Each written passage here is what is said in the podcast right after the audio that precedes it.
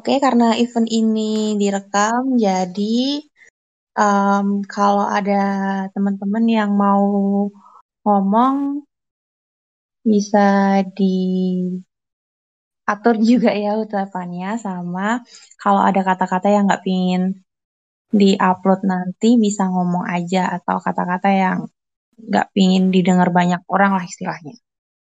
Oke, kita mulai ya eventnya. Oke. Oke, selamat malam teman-teman semua. Di Malam. Senin malam hari ini kita mau ngebahas soal DIY skincare. Untuk awalan uh, bisa dijelaskan Kak Nanda dulu. Oh, langsung nih. Iya. Oke. Dari mana ya? Ini mulai dari pengertiannya dulu ya. Uh, DIY skincare, do it yourself skincare. Itu yang dimaksud adalah skincare atau produk-produk perawatan kulit, perawatan muka terutama yang bisa kita bikin sendiri di rumah dengan bahan-bahan yang kita punya di rumah, dengan alat-alat yang bisa kita uh, pakai di rumah gitu. Maksudnya dengan produksi yang kita pakai sendiri juga. Jadi bukan yang untuk diproduksi massal. Itu kan ya yang dimaksud sama DIY skincare. Uh, kemarin sempat muncul pertanyaan DIY skincare itu sama nggak sih sama organic skincare? Sebenarnya beda, walaupun banyak orang yang kadang misleading juga ya. Jadi sebenarnya yang dimaksud sama organic skincare memang pengertian yang apa namanya pengertian yang pakem itu nggak ada sih cuman mayoritas yang dipakai di market atau di masyarakat yang dimaksud sama organic skincare itu adalah skincare yang menggunakan bahan-bahan alami dan dia organik. Jadi bahkan misalnya pun dari tumbuhan itu berarti tumbuhannya ini nggak pakai uh, chemical pestisida atau chemical fertilizer kayak gitu sih. Jadi yang se ekstrim itu istilahnya. Jadi kalaupun misalnya kita bikin sendiri skincare di rumah dari tumbuhan gitu, dari buah-buahan gitu misalnya ya, bikin masker dari tomat atau apa gitu. Belum tentu kita bisa ngeklaim ini sebagai organic skincare sebenarnya. Tapi ada juga orang-orang yang berpendapat bahwa ya pokoknya yang natural itu bisa disebut sebagai organic skincare. Jadi kayak gitu. Ini masalah terms aja sih. Jadi ada ada berapa tadi udah kesebut berapa ya istilahnya ada DIY skincare, organic skincare sama natural skincare ya. Kalau natural itu berarti yang dari bahan-bahan alami. Kalau organik itu berarti dari bahan-bahan alami yang organik alias nggak menggunakan prosesnya bahan alaminya ini dia nggak menggunakan uh, bahan chemical gitu. Terus ada juga yang lebih ekstrim lagi. Jadi kalau kamu ngeklaim sebagai organic skincare itu berarti prosesnya juga harus sustainable gitu jadi kita sampai nge apa namanya ya mempertimbangkan tentang jejak karbonnya kemudian sustainability dari uh, sumber bahan-bahan itu sendiri gitu. Jadi sebenarnya seribet itu. Meanwhile kalau yang DIY skincare ya apa pun yang ada di rumah misalnya kita punya bahan kimia yang ada di rumah selama kita bisa ngolah itu sendiri di rumah kita bisa nyebut itu sebagai DIY skincare gitu Sampai sini bisa dipahami nggak atau justru bulat ya?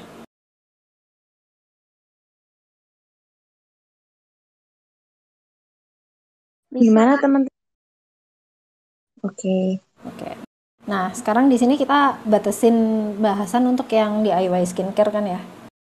Jujur, uh, untuk DIY skincare aku sendiri kalau sekarang sih nggak pernah menggunakan itu dulu waktu zaman zaman SMA kuliah itu aku masih sering bikin kayak pakai masker masker bikin masker sendiri lah parut bengkoang diperes gitu kan. Terus tomat timun gitu dibikin jadi masker muka.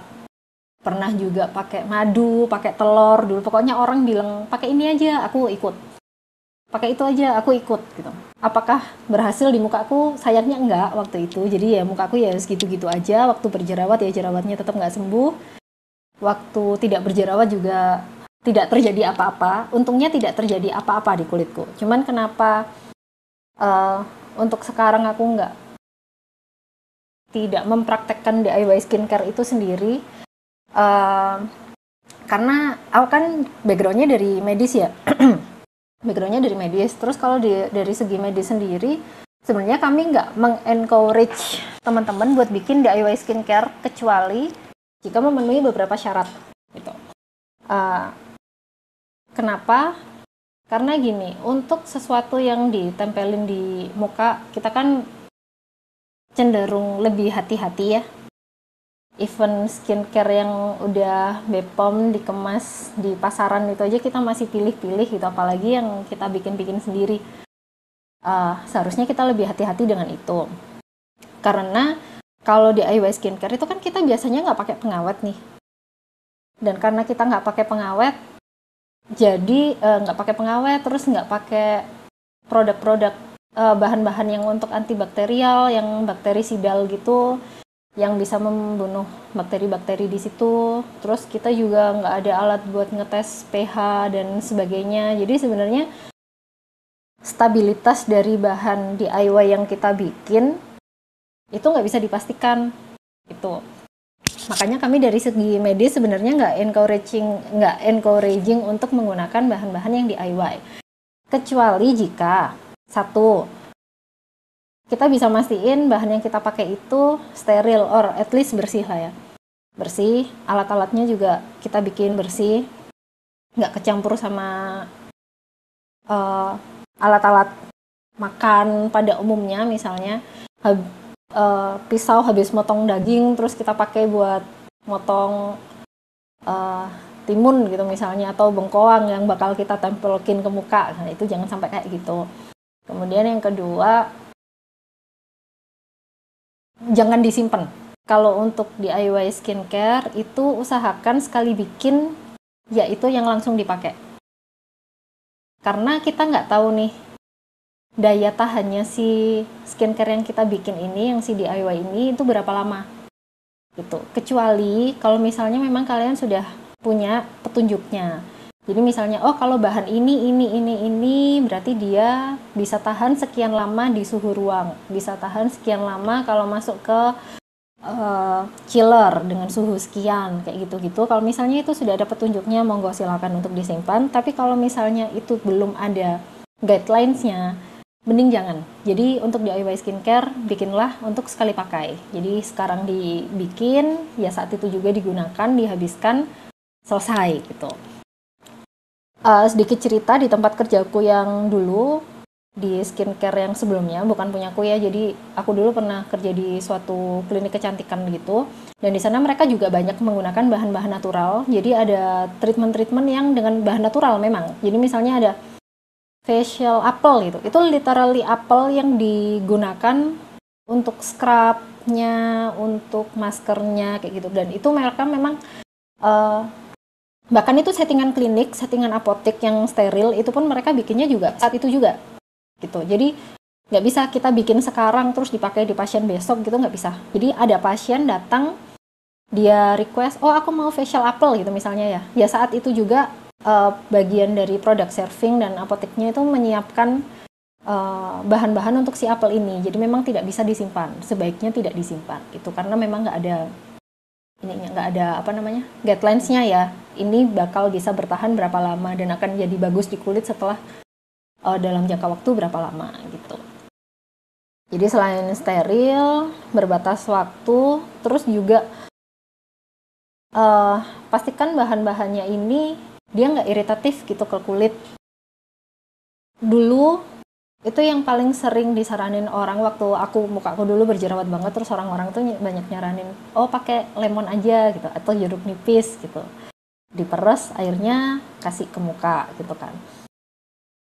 Sebenarnya secara teori mungkin oke okay ya karena dari jeruk nipis lemon itu kan dia kan banyak vitamin C-nya dan vitamin C itu kan antioksidan dia oke okay untuk mungkin diang dianggap bakal oke okay untuk ngurangin kadar minyak gitu. Karena kan dia ada asamnya juga jadi dia ngurangin kadar minyak uh, dia ada efek antiinflamasinya anti radangnya gitu. Jadi mungkin dianggap oke okay untuk kulit-kulit yang sedang berjerawat.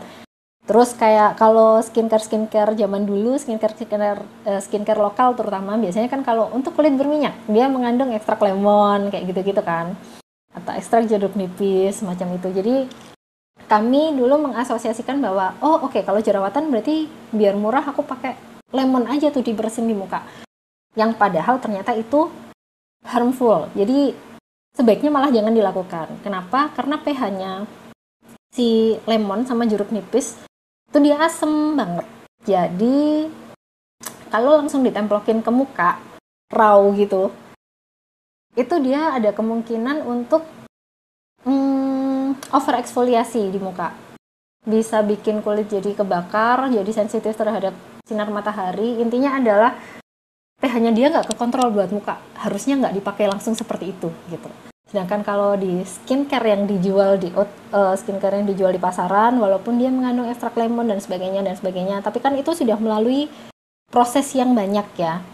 pH-nya dia udah diatur, dia ada penstabilnya di situ, dia ada antibakterinya di situ, dia diatur sedemikian rupa supaya dia nggak uh, membakar kulit dengan asamnya kayak gitu kan. Sedangkan kalau yang kita bikin sendiri di rumah, dia tuh masih murni si ekstrak lemonnya doang gitu, nggak ada yang ngestabilin, nggak ada yang ngapa-ngapain. Jadi uh, istilahnya apa ya?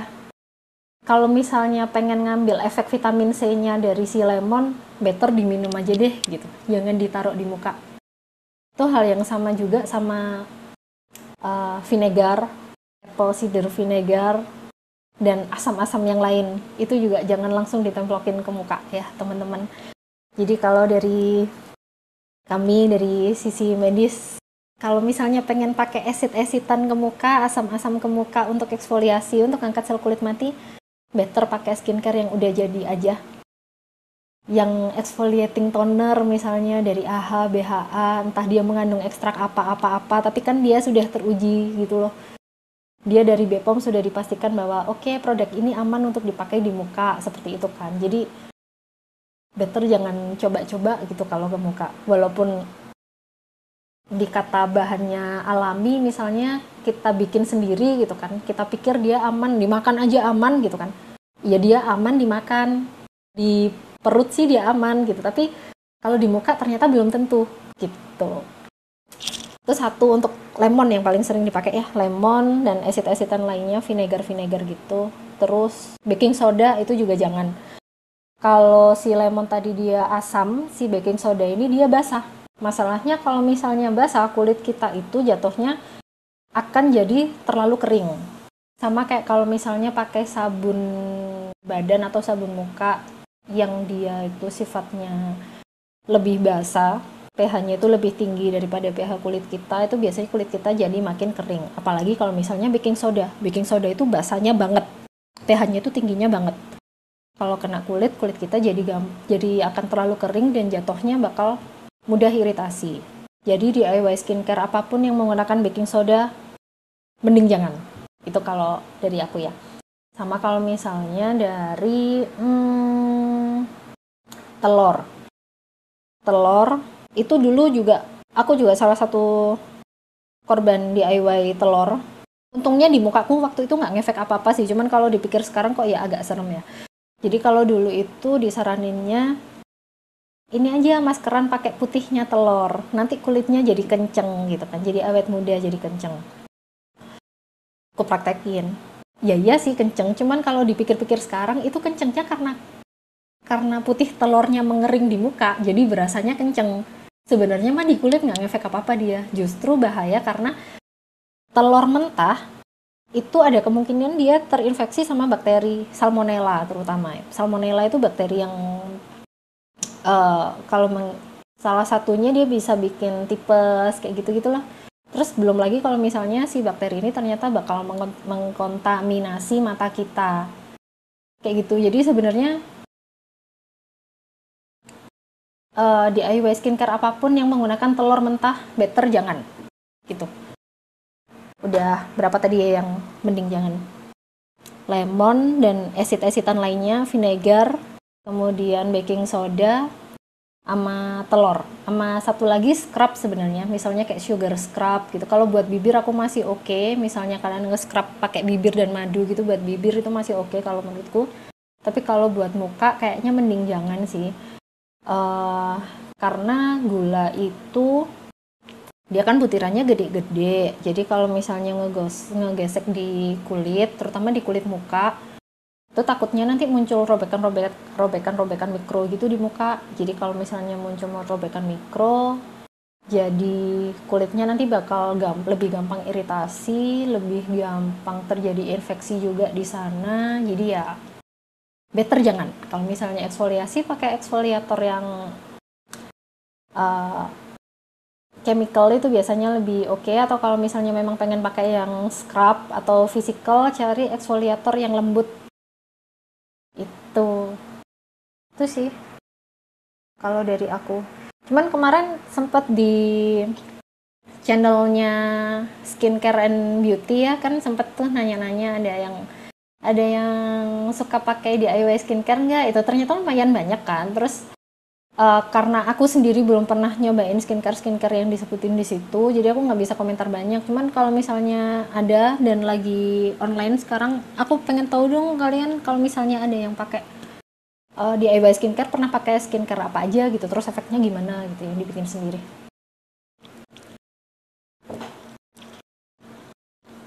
Oke, okay, uh, eh, kemarin aku lihat ada Kak Bulan nih Kak Wulan. Kak Wulan. Hei Kak Wulan. Apa bisa open mic? Apalagi AFK kayaknya. Atau teman-teman yang lain? Kak Juliana mungkin? Apa? Pernah buat DIY skincare nggak? Nggak boleh sama Kak Gangga. Bukan. Kita lebih ke sharing sih ke pengalaman kalian gitu. Apakah benar-benar ngefek gitu? Tapi untungnya aku nggak pernah ngasih lemon di satu muka ya. Aku lemonnya cuma pakai di bener-bener kayak pakai kaken bat gitu. Aku kokel langsung ke jerawatnya. Sejauh ini sih itu ngefek gitu. Nggak ini kering ya jadi ah. jerawatnya? Iya jerawatnya jadi kering. Udah itu doang mentoknya. Nah mungkin kayak gitu lebih lebih masuk akal buat dipraktekin sih. Maksudnya karena dia cuman spot doang kan jadi langsung tepat sasaran gitu loh. Jadi kulit kulit iya. yang sehat di sekitarnya dia nggak nggak terkena efek negatif dari si lemon. Aku Betul. dulu juga gitu sih sebenarnya pakai lemon juga waktu zaman zaman apa ya dulu tuh kuliah kayaknya. Masalah jauh juga. ya sebelum aku coba aku nge-search dulu Google yang banyak kan. Mm -hmm. jadi banyak yang bilang nggak boleh langsung ke muka bisa iritasi. Jadi ya pakai kaken bat gitu loh. Sampai sekarang aku kalau aku sekarang pakainya jadinya essential oil sih. Yang lemonnya ini ya essential oil. Ah. lemon kalau jerawat aku kekel aja gitu. Oh iya. Masalah essential oil itu beberapa skincare kan memang pakai essential oil ya sebagai bahan aktifnya. Um, ya emang efek sih. Cuman ternyata ini kudu hati-hati juga buat teman-teman. Aku pengen ngingetin ada beberapa orang yang ternyata justru sensitif sama essential oil. Jadi essential oil apa pun itu dia ada potensi iritatif, potensi membuat iritasi, terutama di kulit-kulit yang sensitif. Tapi ini nggak semua orang ya. Jadi ya, ya. kalau misalnya pengen pakai essential oil, aku saranin untuk patch test dulu. Jadi tempelin di bagian kulit yang kalau bisa sih ya nggak kelihatan langsung gitu, jangan langsung di muka. Misalnya di belakang telinga biasanya atau di lengan bagian dalam. Kalau misalnya di situ kalian nggak ada reaksi yang negatif, nggak ada merah atau kelupasan atau gatel gimana, berarti mungkin nggak apa-apa untuk di gunakan sebagai DIY skincare. Oh iya, kalau essential oil biasanya Kak Juliana di dilut nggak ya? Atau langsung essential oil? Aku karena aku masuk punya essential oil, jadi udah diajarin ada essential oil tertentu kayak peppermint, lemon, tips, uh-huh. yang yang min min gitu lah sama yang asam itu harus didilut pakai oil lagi. Jadi kan karena aku sendiri pakainya argan oil, uh-huh kayak aja gitu. Oh, argan oilnya aku kayak essential oil gitu. Ah iya iya iya iya. Iya gitu sih. Takutnya nanti ada teman-teman yang nggak ngerti terus dia pakai ya, essential oil langsung ditemplokin gitu kan. Itu agak ngeri soalnya essential oil itu, itu kan boleh. agak panas ya. Jadi uh, biasanya sih butuh di kalau nggak dijilut ya butuh didilut kan. Benar. Gitu jadi kalau misalnya bikin DIY skincare sebenarnya bukan nggak boleh boleh boleh banget cuman ya itu mesti hati-hati jadi searching banyak research searching banyak-banyak aku sebenarnya ada dua rekomendasi website sih untuk yang pengen belajar DIY skincare yaitu websitenya Formula Botanica sama websitenya Learn Canyon. Di situ dia DIY skincare-nya lumayan advance. Sebenarnya mereka ini ada kursusnya berbayar gitu. Cuman kalau misalnya pengen baca-baca blognya yang gratisan itu mereka banyak ngasih kayak resep-resep DIY skincare gitu secara gratis. Uh, bahan-bahannya terus kayak berapa gram itu bahkan sama mereka juga diajarin juga di blog-blognya itu banyak ada yang natural jadi uh, mereka loh di mereka istilahnya organik ya jadi ada resep-resep untuk yang organik yang benar-benar dari tanaman terus atau essential oil shea butter kayak gitu-gitu. Uh, tepung bahkan beras atau apa itu ada. Ada juga yang dia lumayan advance sampai ngasih kayak misalnya pengen ngasih per, apa namanya uh, pengawet gitu. Better pakai pengawet yang ini. Atau kalau misalnya pengen pakai alkohol pakai alkohol yang apa itu mereka bisa ngasih di sana.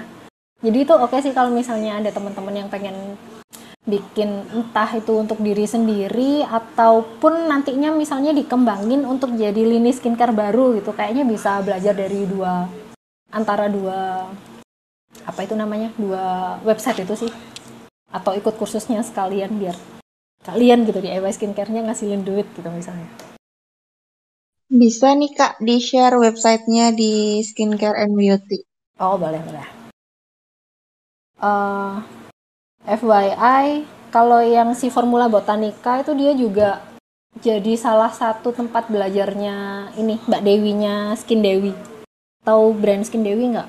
Itu dia pernah nge-share kan dulu dia belajar ikut kursusnya di itu di Formula Botanica itu terus dia belajar bikin DIY skincare dia bikin skincare untuk anaknya yang atopi yang kulitnya tuh ceritanya waktu itu rewel banget lah kulitnya akhirnya dia bikin skincare sendiri bermodalkan dari kursusnya si Formula Botanica itu eh anaknya cocok teman-temannya pengen tahu kan terus dia bikinin sampai akhirnya uh, lini skincare yang dibeli sama teman-temannya itu tadilah yang sekarang jadi skin Dewi yang segede itu berawal dari hmm. DIY skincare. Oke, oke. Nah, ini Kak, uh, kan juga sekarang banyak tuh yang jualan yang ya kayak sabun buat sendiri gitu kan, yang dicampur kopi, terus mm-hmm. ada juga yang dicampur kayak bunga-bunga gitu. Mm-hmm. Nah, itu gimana tuh? itu nggak apa-apa sih nggak apa-apa kalau misalnya yang sabun-sabun batang itu kan biasanya ya mm -mm. Uh Setelah, biasanya kalau untuk yang diajarkan seperti itu mereka sudah ada kayak semacam guideline-nya atau at least mereka teliti sendiri lah ya oh kalau yang seperti ini ini berarti bisa bertahan berapa lama itunya tadi itu loh Terus biasanya juga kan diajarkan caranya bikin yang steril itu seperti apa. Kalau misalnya tempat kursusnya itu memang benefit loh ya, dia benar. Jadi bakal diajarin uh, cara bikin yang steril, kemudian ruangannya harus seperti apa, alatnya harus seperti apa, cara membersihkan alat dan bahannya nanti seperti apa, kayak gitu-gitu. Selama itunya memenuhi syarat, it's okay menurutku. Uh, cuman aku pengen ingetin juga kalau buat uh, apa namanya eh, bahan-bahan yang seperti itu eh bukan bahan produk-produk yang seperti itu misalnya kayak sabun sabun batang gitu ya. Kalau misalnya pengen dijual massal kalau untuk dibikin dipakai sendiri sih kalau menurutku nggak masalah. Tapi kalau misalnya untuk dipakai dijual secara massal itu agak hati-hati karena sebenarnya dia di uh, kalau untuk dijual massal dia mesti ada izin BPOM-nya dan kalau izin BPOM kan nggak semudah itu ya. Jadi BPOM bakal ngecek tempat produksi kita seperti apa, minimum produksinya berapa dan sebagainya gitu. Kalau misalnya nggak ada BPOM terus dijual massal, itu agak susah. Bahkan bisa ditutup juga bisa diperkarakan. Itu kayak kasusnya the bad bad box. Pernah tahu ya brand bad box? Itu dia dulu juga awalnya kayak gitu dari sabun batang terus ke sabun cair awalnya tanpa Bepom udah laris cuman setelah disidak sama Bepom oh ternyata kamu belum ada izinnya gitu kan. Belum memenuhi syarat. Ini nggak bisa nggak boleh dijual. Tutup akhirnya kan pabrik mereka. Setelah pabrik ditutup terus mereka baru belajar oh harus ada izinnya toh. Event organik seperti ini event natural seperti ini gitu. Barulah mereka ngurus Bepom dan akhirnya sekarang udah berada di jalur yang benar kayak gitu. Jadi aku pengen kasih tahu itu aja sih okay. ada juga beberapa yang ngejual sabun batang gitu cuman sistemnya ini untuk merchandise kayak gitu-gitu loh. Kalau misalnya merchandise atau hadiah-hadiah kayaknya kayaknya nggak perlu Bepom nggak apa-apa sih karena kan tidak diproduksi massal. Tapi aku kurang tahu kalau untuk regulasinya yang itu ya. Oke.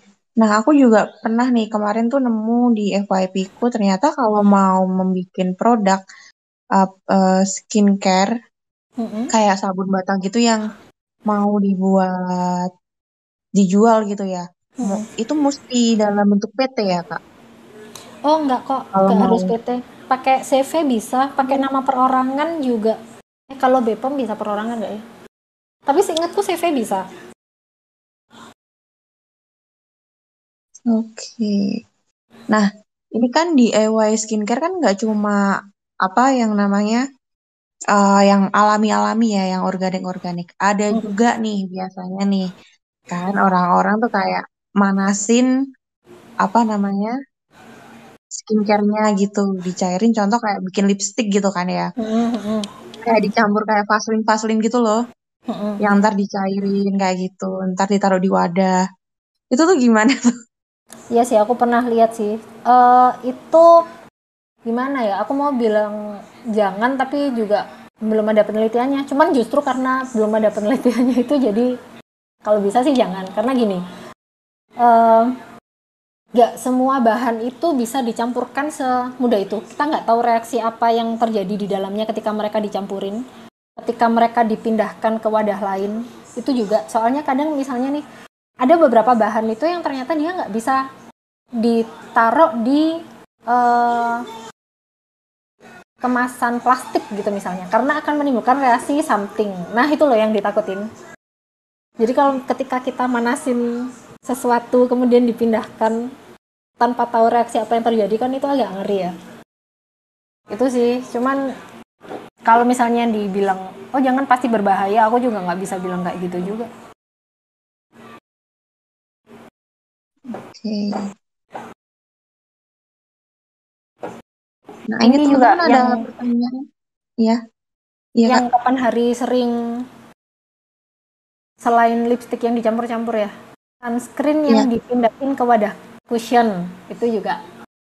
Dan dia dicampur sama pigment dicampur sama uh, foundation. Aku kapan hari pernah lihat itu ada yang kayak gitu. Jadi dia bikin tinted sunscreen sendiri. Dengan sunscreen ini campur sama foundation. Itu juga aku nggak nyaranin. Karena kadar SPF-nya di sunscreennya kan jadi beda ya terus uh, kandungan sunscreennya sendiri itu entah rusak atau enggak ketika dia ketemu sama kandungan-kandungan yang di foundation yang dicampurin tadi gitu. Jadi kalau misalnya pengen tinted sunscreen, yaudah sekalian aja beli yang udah tinted gitu. Jadi kita sendiri udah juga nggak repot kan, nggak repot perlu bikin-bikin segala, lebih aman juga. Udah dipastikan sama tim Bepomnya gitu. Gitu sih kalau dari aku. Aku pernah ikutan bikin lip balm pakai beeswax, ikut dari kelas essential oil. Ujung-ujungnya nggak aku pakai. Kenapa mbak nggak dipakai mbak? Kenapa kak? Sendiri. Eh anakku bangun. Ya. Nggak aku pakai, aku ikut kelasnya kayak iseng pengen tahu gimana sih caranya. Terus kan dia ngelelehin wax gitu kan. Terus dicampur sama essential oil, jadi kayak ya jadinya kayak lip balm sih benar. Cuma nggak pakai, aku pakainya jadi aku nggak pakai. Iya ya, biasanya kalau kelas essential oil ini suka bikin lip balm terus ini juga nggak sih kayak face oil apa cleansing oil gitu-gitu nggak sih? Kalau aku ikutnya kemarin cuma yang lip balm sama ini loh. Apa sih? Bath bomb bath bomb hmm. itu doang aku kalau bath bombnya aku pakai. Sebenarnya emang kalau lip balm kebanyakan sih pakainya di wax sih memang ya atau soy wax gitu-gitu sebenarnya jalan yang benar jadi selama cara bikinnya benar dengan alat-alat yang benar dan steril sih kayaknya oke-oke aja. Oke. Jadi uh, poin pentingnya kalau mau bikin DIY skincare itu satu dilihat dulu bahannya ya kak ya. Mm-hmm. Bahannya dilihat dulu. Terus yang kedua itu steril atau enggak mm-hmm. dalam proses pembuatan. Tiga adalah penyimpanan. Mm-hmm. Oke. Dan ini Kak, ini kan tadi sempat ada yang sharing juga apa namanya kalau susu bubuk nih. Itu juga banyak tuh susu bubuk terus susu apa Berry Brand tuh yang paling sering tuh dibuat masker kayak gitu. Oh iya ya. Aku belum baca lagi sih kalau misalnya susu buat muka. Jadi aku nggak bisa komentar banyak. Oke. Okay. Soalnya kan apa ada banyak juga nih teman-teman yang temenku juga sih kak kayak hmm. bikin apa susu dicampur sama itu biasanya bubuk kunyit. Oh. Terus langsung dipakai gitu di muka? Iya. Di apply di muka gitu. Yang sering itu dulu bubuk kunyit. Aku pernah pernah nyoba nih apa hmm bubuk kunyit jadi bukan dari bubuk kunyit sih malah kunyitnya aku parut gitu aku tempelin di muka. Nggak jadi kuning ya, gitu mukanya. Soalnya kan dia kayak stain gitu kan kalau ke kulit. Iya.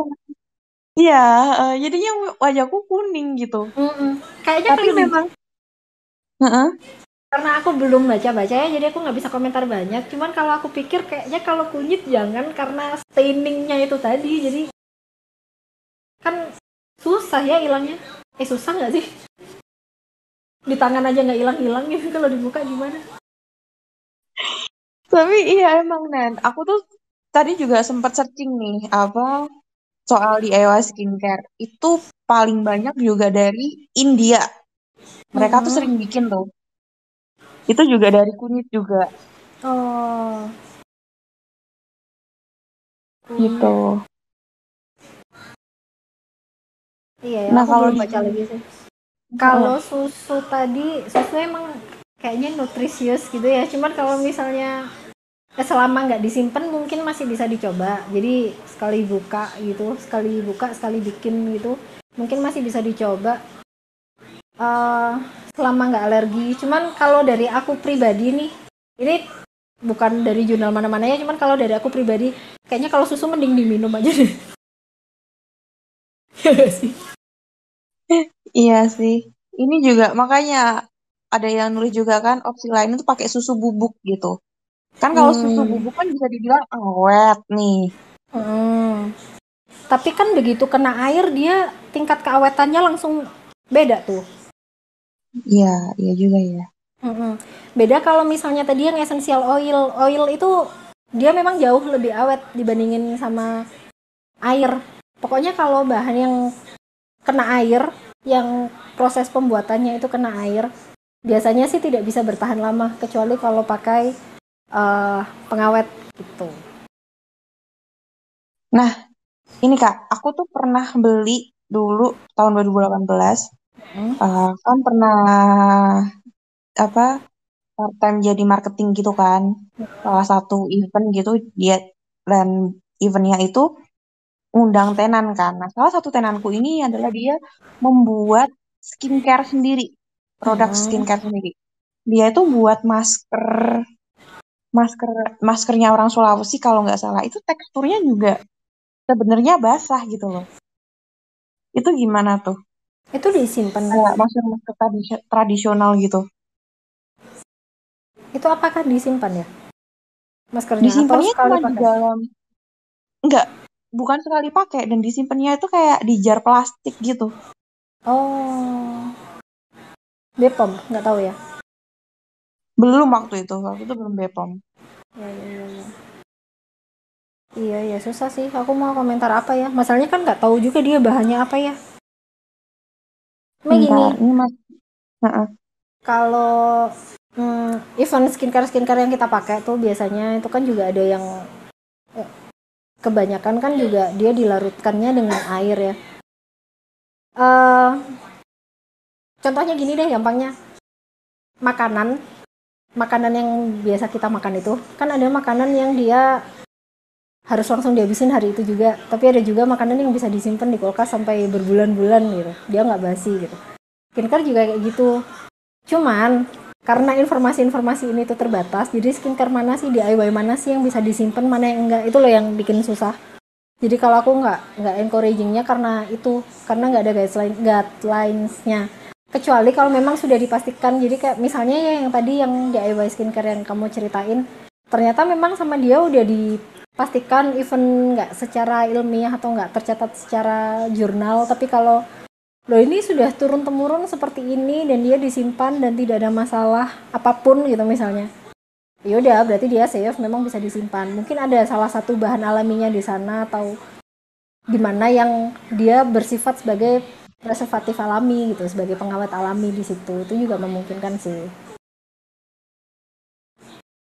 Oke. Okay ada juga nih aku sering lihat di TikTok itu orang bikin uh, masker gitu kan, lulur gitu. Itu dimasak sendiri gitu, masak warnanya hitam gitu namanya lulur hitam kalau nggak salah. Hah? Itu buat mencerahkan kulit kayak kayak gitu loh. Dia dari apa? Nggak tahu ya. Hmm, barang kalau dari story uh, apa videonya sih aku lihatnya ya kayak barang bahan-bahan bahan-bahan alami gitu. Oh. Iya. Itu warnanya iya. hitam gitu. Ini masalahnya aku bukan anak TikTok sih jadi. iya juga ya. jadi nggak paham konteksnya. Kayaknya mulai besok aku mesti rajin-rajin lah TikTok sih. Sekarang udah sholat? Hmm. Iya, nah kalau aku gitu sih. Kalau yang kayak tradisional-tradisional gitu, Kak, hmm. kadang juga rada sanksi juga sih kalau mau coba. Kalau udah tahu gini ya. Iya, kalau aku dulu sih ngerasanya kayak ya dari dulu orang-orang pakai gini aman-aman aja gitu kan. Uh, hmm. Cuma setelah banyak belajar jadi ngeri sendiri. Maksudnya karena gini sih, kalau zaman dulu mungkin orang-orang prefer pakai yang alami karena memang tidak ada opsi gitu jadi ya mau nggak mau ya dipakai adalah itu tapi karena kita sekarang udah hidup di zaman sekarang yang skincare-nya udah banyak banget opsi mulai dari yang murah sampai yang sultan puluhan juta dengan banyak bahan dan yang sudah teruji bahkan secara klinis terujinya. Jadi ya kenapa kita nggak pakai yang itu aja gitu daripada repot-repot kan? Itu sih kalau aku pribadi ya. Tapi kalau misalnya ada yang pengen uh, riset sendiri kalau aku pengen coba-coba sendiri ah nggak apa-apa sih. Tapi dengan cara yang benar gitu aja kalau menurutku salah satunya ya belajar dari apa tadi kayak formula botanika gitu-gitu tadi jadi at least kita tahu oke okay, ini DIY skincare tapi di jalan yang benar gitu loh Nah, ini juga kemarin kan ada yang sempat sharing soal fermentasi beras nih. Mm-hmm. fermentasi beras sendiri. Itu kan juga cair sih, Kak. Iya sih. Fermentasi beras sama ini ya yang sering tuh kombucha. Uh, fermentasi beras sama kombucha kayaknya mirip karena mereka yang diambil adalah probiotiknya sebenarnya. Eh, berisik nggak sih? Sorry, sorry.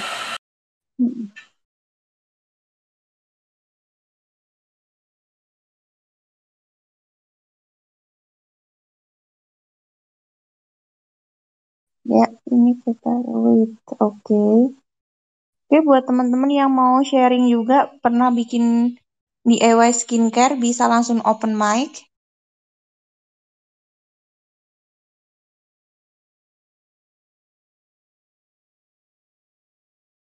Kalau kayak kombucha dia kan memang hmm. minuman toh biasa biasa diminum kan aku nggak tahu ya dia hmm. biasanya untuk diminum itu bisa tahan berapa lama cuman kayaknya kalau misalnya dipergunakan untuk skincare uh, bisa ngikutin patokan itu.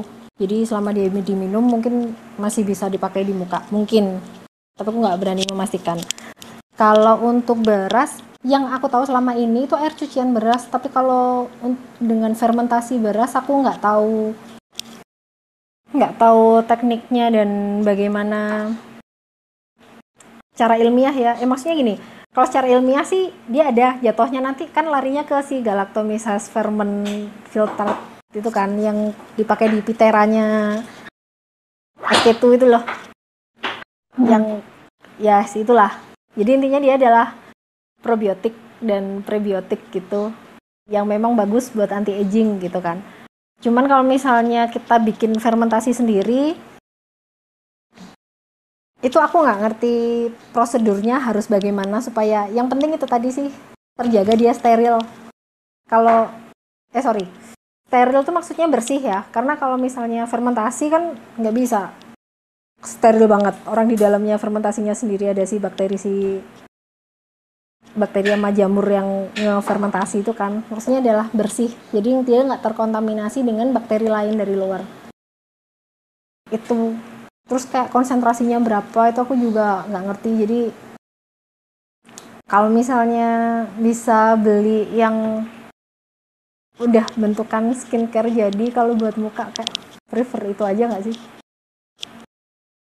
Jadi balik lagi ke sana lagi ya. Oke. Ini yang lulur hitam ini Kak, aku searching kan, itu nggak ada keterangannya bahannya secara lengkap sih, cuman ditulisnya kayu bangkal, terus beras, terus rempah-rempah pilihan. Oh, rempah-rempah pilihan. Nggak tahu rempahnya apaan ya?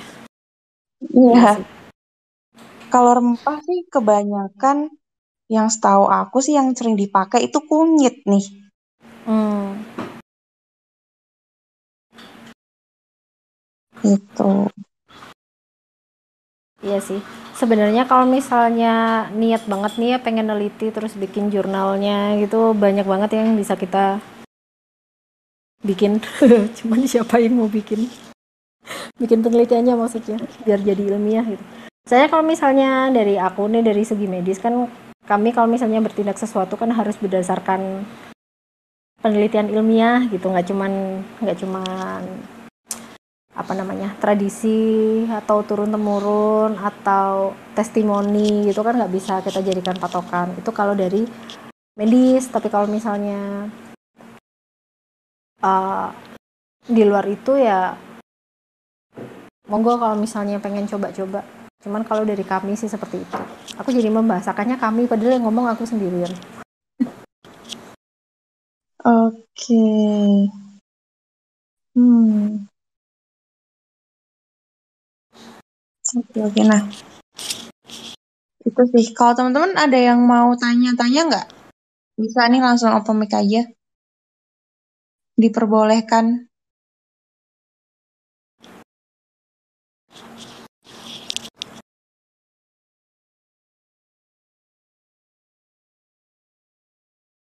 Oke. Kalau nggak ada, nah aku juga mau tanya aja deh kalau gitu. Uh -huh. uh, Kak, kalau yogurt nih, Heeh. yogurt itu juga sering loh dipakai buat campuran apa namanya masker yogurt, terus apa namanya alpukat, Heeh. terus pisang. Aku juga pernah nemu dulu itu pisang. Pisang itu bahkan kulitnya pisang itu aku pernah nemu kayak diosel-oselin langsung gitu ke wajah. Kulitnya. Oh. Iya kulitnya pisang. Jadi kan yang di bagian bagian dalamnya itu loh, bukan yang bagian luar. Uh-huh. Bagian dalamnya kan memang rada lunak kan. Iya. Nah itu yang dioles-olesin ke wajah. Kalau di denger-dengerin tadi kayaknya tujuannya semuanya buat melembabkan melembabkan gitu ya.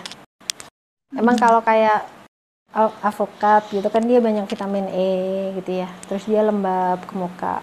Ya bisa aja sih cuman sebenarnya aku pribadi tuh bingung ya kenapa sih kok suka pakai masker begitu kok nggak dimakan aja gitu Aku tuh nggak ngerti di situ malah. Kalau bisa atau nggak ditemplokin ke muka bisa aja kayaknya. Karena kan dia juga nggak asam juga, jadi pH-nya juga kayaknya nggak yang terlalu tinggi gimana. Jadi kalau bisa sih bisa-bisa aja. Tapi apakah ngefek aku nggak tahu. Terus kenapa kok suka nemplok-nemplokin ke muka begitu? Aku yang nggak ngerti. Kenapa kira-kira? Hmm, ya. Mungkin kalau beli masker itu mager keluar tadi. Kenapa harus pakai masker? Kenapa nggak dimakan aja gitu? Nutrisinya lebih merata ke seluruh tubuh gitu kan, nggak cuma di muka doang. Aku juga ada lagi nih kak, apa case. Jadi aku tuh pernah cerita-cerita sama temanku kan.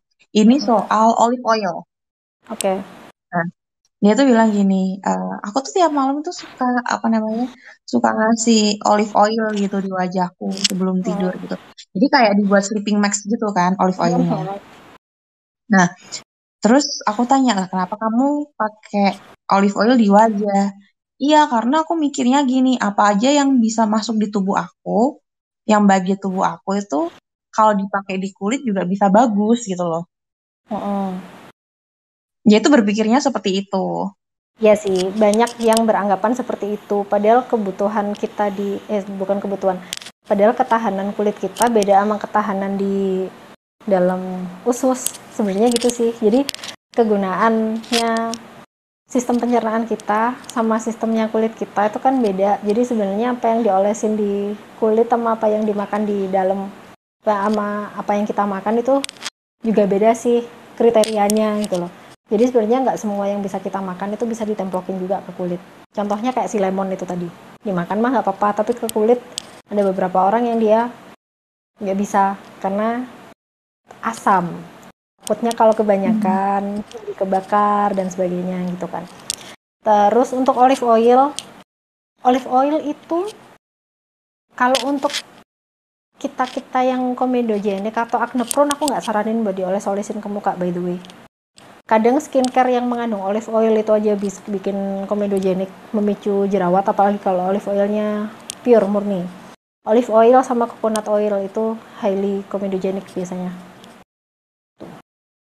oke okay. jadi nggak begitu dia, disarankan uh, kalau sebagai dia melembabkan sih melembabkan sebenarnya cuman butuh hati-hati jadi segala oil-oilan, baik itu olive oil, essential oil, sunflower oil, apa pun oilnya, plus essential-essential oil yang lain, itu agak hati-hati karena nggak bisa digunakan di semua orang. Jadi mungkin kayak di temenmu tadi bisa jadi di dia, di aku oke okay aja jadinya lembab dan sebagainya. Oke, okay, nggak apa-apa, lanjutin nggak apa-apa, it's okay. Cuman nggak semua orang bisa seperti itu.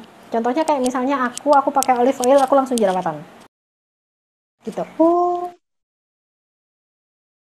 Wow. Gitu. Jadi nggak semua orang bisa menggunakan bahan yang sama. Jadi bisa jadi di dia itu oke, okay, di yang lain nggak oke. Okay. Gitu. Terutama yang oil-oil sih itu agak tricky. Nah, ada juga nih kan dulu kayak apa namanya um, ngangkat komedo itu pakai baby oil. Oh bisa?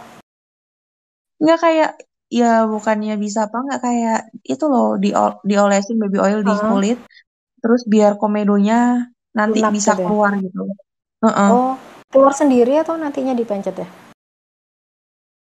ya mungkin karena banyak itu ya karena dipegang-pegang itu sih menurut aku bukan mungkin karena bisa jadi bukan karena uh, oilnya. Sama ini juga sih kalau baby oil tuh. Baby oil kan diformulasikan buat bayi. Nah kulit bayi itu dia kan masih murni gitu ya. Murni terus dia kering kelenjar minyaknya tuh belum terlalu aktif. Beda sama kita kita yang dewasa. Kalau kita yang dewasa biasanya kelenjar minyaknya lebih aktif. Jadi kalau dikasih baby oil takutnya ntar malah makin berminyak dan komedogenik gitu sih Oke. Okay. Ajaib-ajaib ya tipsnya netizen Iya, sama dulu tuh sempet apa namanya? Nah itu apa gara-gara ini kak, apakah baby, baby oil tuh gara-gara dulu tuh sempet viral tuh kayak pakai cleansing balm selama 15 menit. Oh, pernah tahu nggak? berawal dari situ iya. Terus, terus cari orang-orang alternatif yang lebih murah. Uh -uh. orang-orang ya, akhirnya pakai baby oil itu. Ada yang pakai minyak zaitun juga oh. gitu. Iya iya iya iya. Ya ya gimana sih? Secara secara teori sekilas kayak oh cleansing balm cleansing oil berarti pakai oil yang lain juga bisa gitu kan ya? Ya bisa aja kalau kulitnya hmm. Kalau kulitnya nggak rewel cuman kalau misalnya tipe-tipe kulit yang rewel mending jangan coba-coba sih. Oke. Nah ini aku juga pernah nemu apa namanya tipsnya itu uh, air Nestle Pure Pure Life tau gak sih? Uh, uh. air Nestle Pure Life. Itu dipakai buat cuci muka, dipakai buat apa namanya uh, spray gitu, spray wajah. Terus itu air mineral itu ya? Itu, Pure iya. Oh, okay. uh, terus apa bilangnya itu uh, orang-orang orang-orang kaya nih, orang-orang kaya tuh cuci mukanya pakai itu. Uh cuci mukanya bilasnya tuh pakai pure, pure life itu terus hmm. katanya tuh kandungannya pure life itu sama seperti Evian tau nggak sih kak? Iya. Itu hampir sama gitu. Alternatif murahnya tuh pakai Nestle Pure Life itu. Oke. Okay. Nah, air sendiri itu gimana? Air kan banyak banget pH-nya ya. Air itu pH-nya netral sih.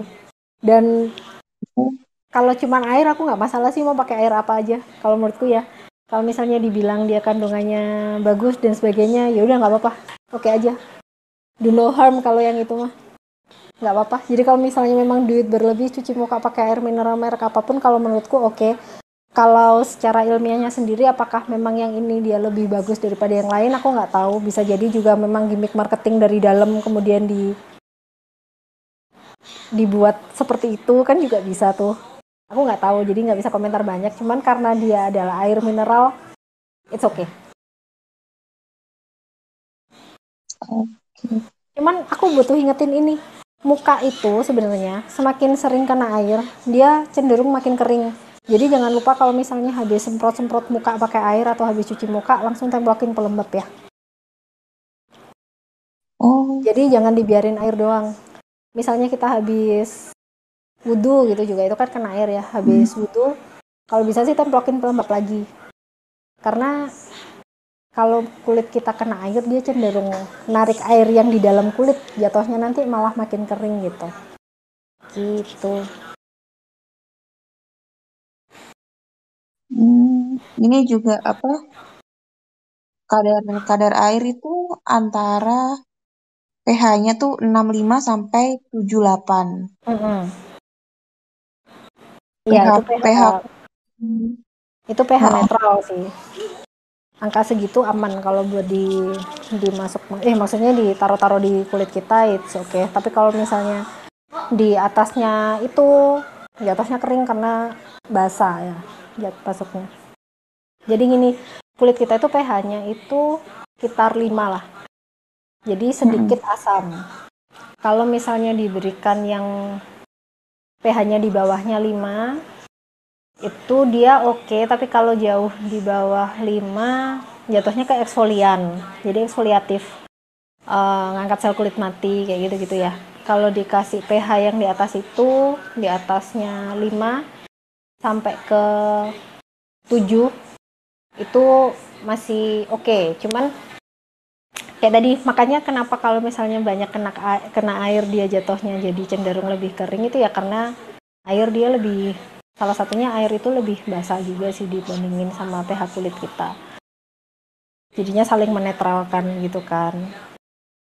Uh, makanya habis kena air bukan berarti kulit kita nggak boleh kena air ya tetap air itu oke okay untuk kulit. Tapi setelah kena air langsung kasih pelembab. Tapi kalau misalnya kena pH yang di atasnya itu misalnya kayak sabun sabun sabun sabun zaman dulu yang sabun batang yang pH-nya tinggi itu atau baking soda itu tadi yang aku ceritain di awal-awal tadi itu kan dia pH-nya kan tinggi ya 8 9 gitu. Bahkan baking soda bisa sampai 11 nah itu itu jangan jangan kalau misalnya kayak sabun batang jangan terlalu sering kena di muka. Biar mukanya nggak kering banget. Kalau baking soda kalau bisa jangan pernah kena di muka gitu. Karena terlalu basah nggak cocok sama pH kulitnya kita Tuh, tapi kalau misalnya sebatas air itu nggak apa-apa karena dia netral Oke. Wah. Oke. Jadi aku rangkum ya nih Kak. Apa? Buat skincare DIY sendiri itu yang pertama kita lihat dari bahan-bahannya ya. Contoh seperti lemon, seperti apa yang tadi disebutkan uh, lemon, vinegar, vinegar, baking terus soda, baking soda, telur. Itu telur dilihat dari bahannya, terus apakah itu cocok buat kulit atau tidak ya. Terus yang kedua kalau mau membuat skincare DIY adalah sterilan dari alat yang digunakan. Mm -hmm. Alat yang digunakan dan penyimpanan. Penyimpanan itu yang paling penting. Kalau hmm. skincare di DIY itu lebih baik untuk satu kali pemakaian. Hmm. Terus untuk bahan-bahan yang lain memang lebih baik untuk dimakan ya hmm. daripada dibuat skincare. Hmm. Terus apa? Uh, untuk air sendiri ternyata air itu pH-nya lebih tinggi daripada pH kulit. Jadi kalau setelah cuci muka kena air lebih baik di kasih pelembab apa, lagi. Dikasih pelembab. Oke. Eh ini ada Kak Rifana nih. Hai Kak, bisa open mic? Kak Rifana. Halo. Halo Kananda, halo, halo Titi. Halo juga. Oh ya, Kak Rifana ini yang kemarin sempet sharing soal apa fermentasi beras nih. Itu gimana tuh Kak? Oh, uh, masker yang dari nasi ya? Iya. Oh, toner ding bukan masker. oh iya, dulu tuh aku sering bikin gitu loh, Kak. Uh, waktu jam tahun berapa ya? Dua, kayaknya 2000 antara 2014 sampai 16 gitu. Uh, muncullah tren bikin uh, toner SK itu versi DIY. Nah, itu tuh bahannya dari uh, bahan-bahannya dulu nih dari nasi, uh, ragi. Raginya aku pakai vermipan sih. Terus abis itu air air biasa. Nah jadi tuh uh, prosesnya pertama kan pasti botol yang bakalan dijadiin wadah fermentasinya disterilin dulu ya. Direbus dulu pakai air mendidih habis itu dikeringin. Terus jadi nasinya tuh kalau nggak salah takarannya 3 sendok makan 3 sendok makan raginya tuh hmm, seujung sendok teh gitu. Habis itu dicampur, kasih air sepertiga dari botolnya, sepertiga botol atau gelas 250 ml. Habis itu ditutupin sama plastik. Nah, e, menurut resep yang dari blogspot itu didiemin selama 3 jam. Habis 3 jam, nasinya kan hmm, ya itu uh, telah berfermentasi gitu karena udah dikasih ragi. Habis itu tinggal disaring airnya. Nah, airnya tuh bisa dipakai langsung uh, di dicelupin kapas terus ya ditempel-tempel di muka atau dulu aku kalau aku itu sempet karena kayak sayang gitu si nasinya itu dibuang juga akhirnya aku benyekin aku kasih si tonernya terus aku bi bi bikin masker oles gitu loh ya dibiarin 10 menitan lah terus ternyata hasilnya lumayan. Hmm, nggak hmm, bikin putih sih tapi ya lumayan mencerahkan. Terus ya pori-pori juga ternyata lumayan ngecil meskipun progresnya agak lama gitu. Dulu aku uh, sering bikin rutin dan hasilnya oke okay, ternyata. Gitu. Okay.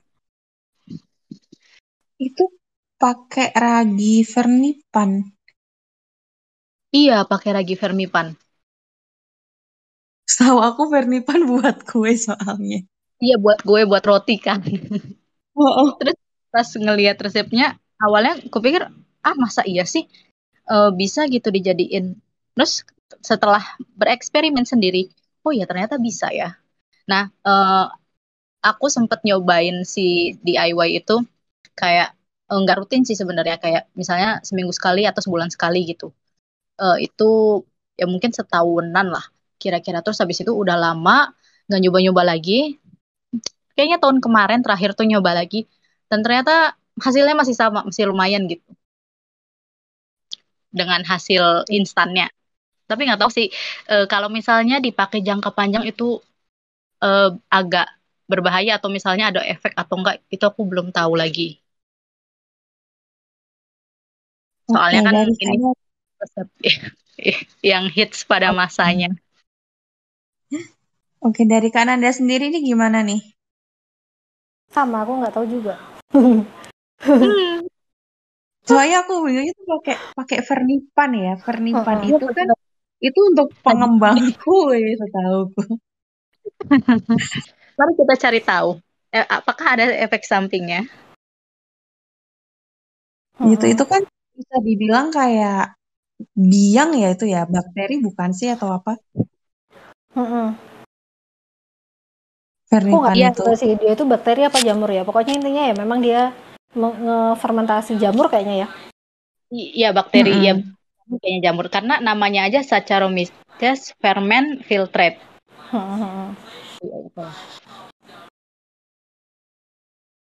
Ya itu sih.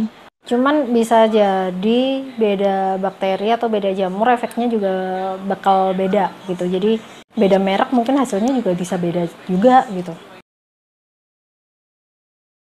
Itu sih. Jadi kalau misalnya suruh ngomentarin aku sendiri nggak tahu karena belum pernah neliti belum pernah nyoba belum pernah pakai dan belum pernah baca juga. Jadi uh, nggak uh, susah buat ngomentarin. Cuma kalau misalnya ngelihat prosesnya oke okay, udah paham tentang sterilisasi dan sebagainya ya bisa jadi aman cuman aku nggak bisa memastikan oke okay, sama ini juga ya kak apa aku rangkum itu um, kalau mau bikin produk DIY skin, ibaratnya bikin skincare sendiri, diusahakan untuk Bepom ya. Itu kalau untuk dijual ya, tapi kalau buat dipakai yeah. sendiri mah nggak usah. Gitu. Oke. Okay.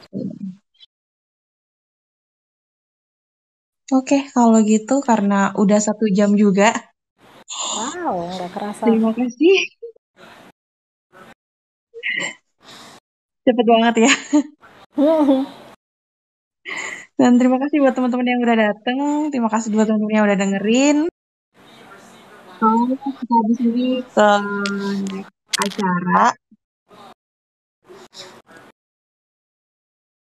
Bisa langsung ke apa? Ke pos ronda ya ini Kak Riri.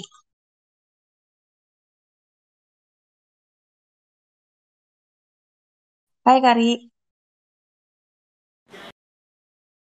Iya, Kak Titi di pos ronda. Ya, buat teman-teman yang mau apa join, bisa langsung ke pos ronda. Buat apa event yoga. Oke, okay? okay, thank you buat teman-teman yang udah mau dengerin. Bye bye. Acara. Iya, thank you Kak Nanda. Uh -uh.